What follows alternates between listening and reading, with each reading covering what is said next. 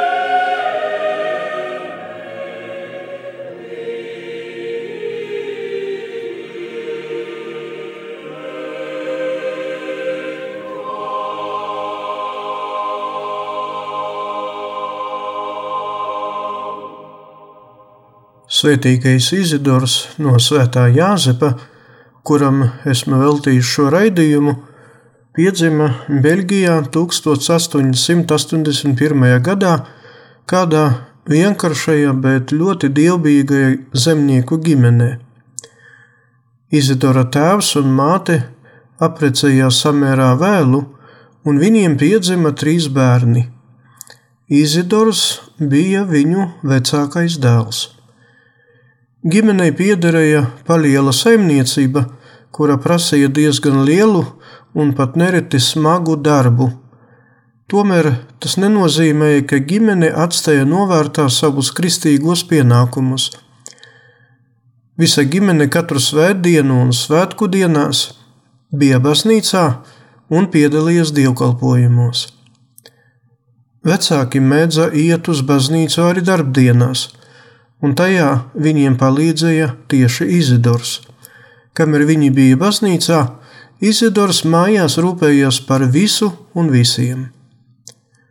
Bērni šai ģimenē auga mīlestības un dieva bijāšanas atmosfērā, un katru dienu pēc smagiem saimnieciskajiem darbiem visi kopā lūdzās roža kroni. Izidors parasti saimniecībā palīdzēja tēvam.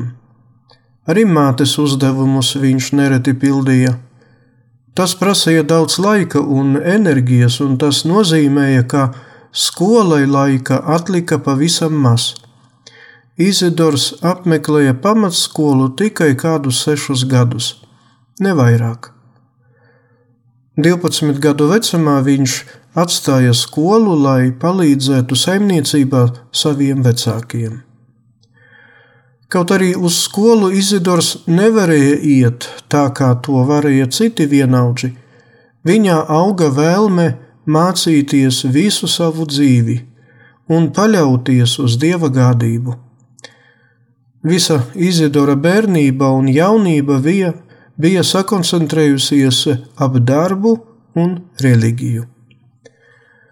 Svētdienās, agri no rīta viņš kalpoja pie altāra svētās misas laikā, tad mudīgi skrēja uz mājām, lai paēstu brokastis, un tad atpakaļ uz baznīcu, lai apgūtu katekismu.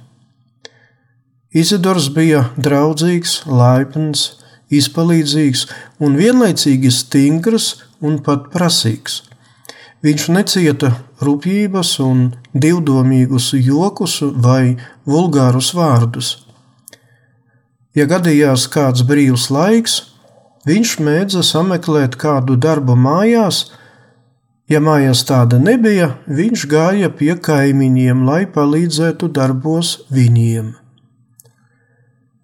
Par savu aicinājumu, pareizāk pateikt, par savu vēlmi veltīt pilnīgi visu sevi kalpošanai dievam, Izidors sākumā lūkšanas laikā sarunājās ar kungu.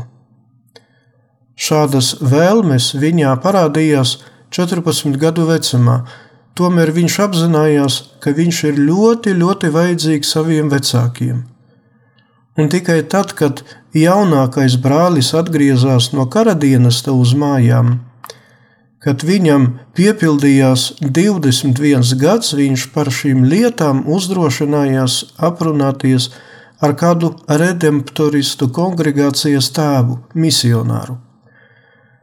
Šis gudrs un pieredzējis garīdznieks šīs sarunas laikā ieteica Izidoram pamēģināt iestāties pasionistu kongregācijā un kļūt par šīs kongregācijas terciāru. Sekoja saruna ar vecākiem. Vecāki īpaši sajūsmināti par dēla nodomiem nebija, jo vienkārši baidījās viņu pazaudēt. Tomēr, respektējot dieva gribu, vecāki dēla plāniem piekrita. Ceļā uz dzelzceļa staciju Izidoru pavadīja tikai māte. Tēvs bija pārāk sanervozējies un neaizgāja. Māte tik pateica: Dēls, ja tev tajā klosterī nepatiks, tad ātri brauc atpakaļ uz mājām. Un viņš atbildēja, norādot uz savām krūtīm ar pirkstu: Māt, šīs uz šejien nekad neatgriezīsies. Izidors iesēdās vilcienā un devās uz Valonijas erē ciemu kas atradās Turnei pašvaldības apgabalā. Kaut arī mērķis bija uzstādīts un Izidors bija pārliecināts par savas izvēles pareizību, viegli atrast savu klosteri Re ciematā viņam nebija. Izidors pārvaldīja tikai flāmu valodu, bet klosteris atradās tajā Beļģijas daļā, kur pārsvarā visi runāja valoniešu dialektā.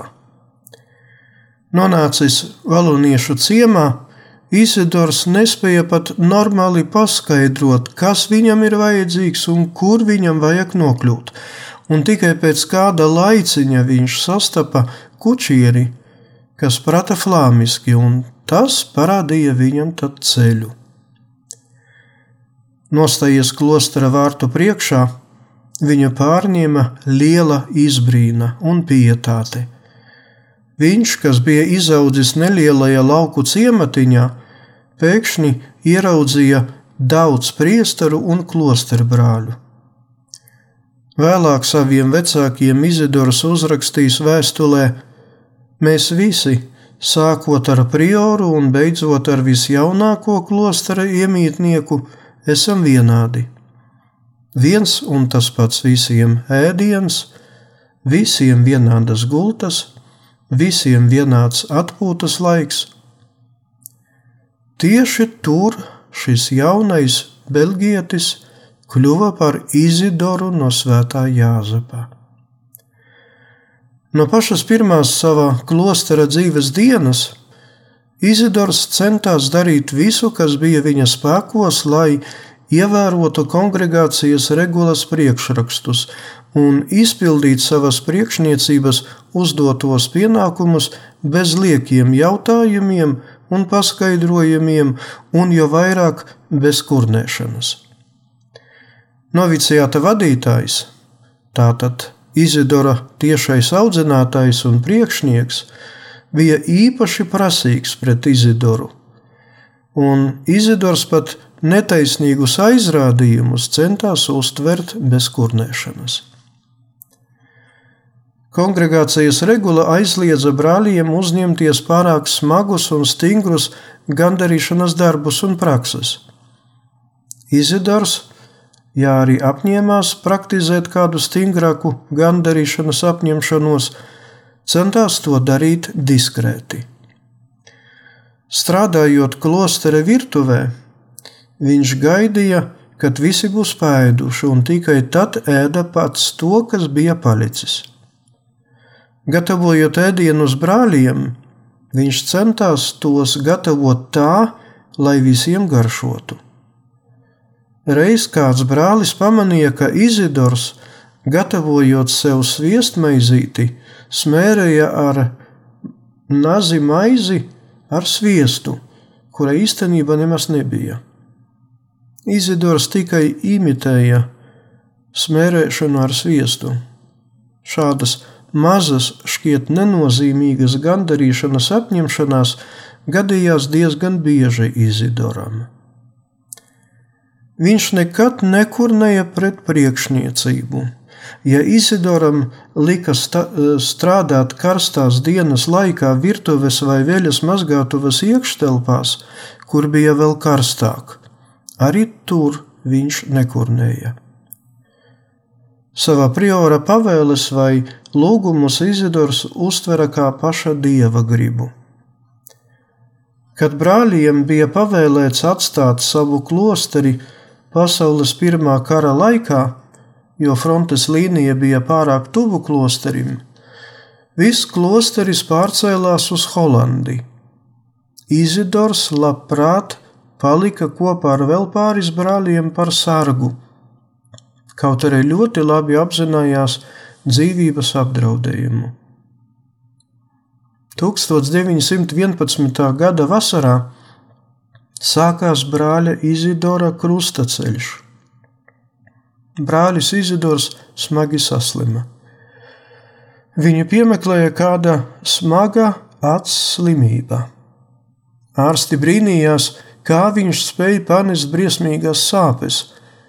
Izidors nevienu vārdu pat nepateica, ka viņam sāp. Beigu beigās tika konstatēts acs vēzis, un acs tika izoperēta. Šai nelaimē sekoja nākamā. Ārsti teica, ka ir arī zarnu traktāta vēzis, un viņam atlika maz laika. Izidors to pieņēma mierīgi un ar paļāvību uz dieva gādību. Saviem vecākiem viņš uzrakstīja, piekritot dieva gribai, mēs sasniedzam visaugstākus panākumus lai mūsu visaugstais kungs ļauj man samierināties ar manu likteni bez protesta un žēlošanas. 1914. gadā brālim Izidoram uzticēja vārtu sargātāja pienākumus pasionistu kongregācijas klosterī Kortrerkas pilsētā Beļģijā. Šis pienākums laikam ir viens no sarežģītākajiem pienākumiem. Līdz ko atskan zvans pie vārtiem, vārtu sargātājiem ir jāatstāj visi savi darbi un pat lūkšanas, un jādodas pie vārtiem, lai sagaidītu klostera apmeklētājus. Brālis Izidors to darīja, to darīja ar prieku un ar smaidu sveicināja apmeklētājus. 1916. gadā viņš vairs nespēja veikt šo savu pienākumu, un viņa fiziskie spēki bija izsīkuši. Ārstējošais ārsts paziņoja, ka vēzis attīstās ļoti strauji. Ļoti ātri pienāca laiks, kad Izidors aiz sāpēm nespēja vairs pat gulēt savā gultā. Sāsinājuma brīžos viņš centās iesaisties krēslā blakus sanitārai. Kā vēlāk viņa teica, Izidors visu pacieta klusējot. Viņu vairāk par fiziskām sāpēm sāpināja tas, ka viņš nespēja lūgties bez koncentrēšanas, ka sāpes atņem viņam spēju sakoncentrēties un ieklausīties kunga balsī. 6. oktobrī kaut kur ap vieniem naktī brālis Izidors paprasīja atnākt prioram. Izidors sacīja: Tēvs prior, lūdzu sapulcini šeit visus mūsu kopienas brāļus, es mirstu. Kaut arī ārēji nekas neliecināja par pavisam drīzu nāvi, brāļi tomēr sapulcējās. Izidors pazemīgi lūdza piedot pārestības, ja tādas bija, un solīja, ka nonācis debesīs, viņš par viņiem visiem lūgsies. Tad klusi nopūtās un mierīgi piedzima debesīm.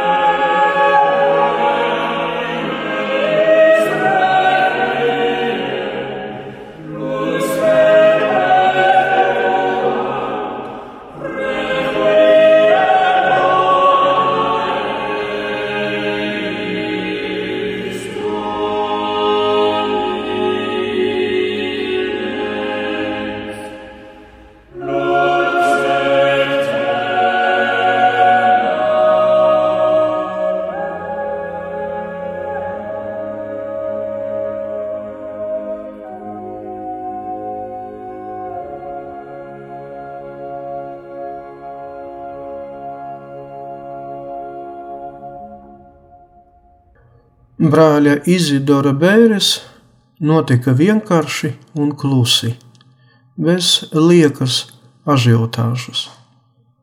To, kuri vēlāk nāca pie viņa kapa un lūdza viņa aizbildniecību dieva priekšā, kļuva ar katru gadu vairāk un vairāk, un arvien vairāk cilvēku liecināja, ka saņēma gan fiziskās, gan garīgās žēlastības brāļa Izidora aizlūguma dēļ. 1950. gadā iesākās brāļa Izidora dzīves izpēte diecezes līmenī. Izrādījās, ka nekādu pārāk gudru un teoloģiski dziļu rakstu vai vēstuļu pēc brāļa Izidora nav palicis. Nebija arī kaut kādu brīnumu, kas saistītos ar viņu vai klosteri, kurā viņš dzīvoja. Un tomēr atmiņas par šī vienkārša brāļa dzīves svētumu bija dzīves. 1982. gadā svētais pāvests Jānis Pāvils II iecēla Izidoru svētīgo kārtā. Tas šoreiz arī viss par svēto Izidoru no svētā Jāzepa. Liels paldies par uzmanību, lai ir slavēts Jēzus Kristus!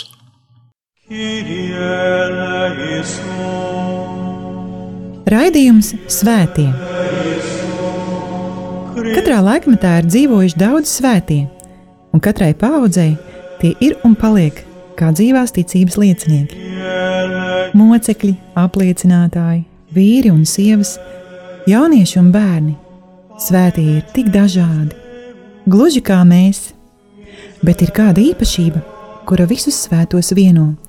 Viņi mīlēja, mīlēja Dievu un cilvēkus. Raidījums par svētījumiem ir stāstījums par Dieva mīlestības reālo klātbūtni mūsu dzīvē. Santa Trinitas unos Deus, miserere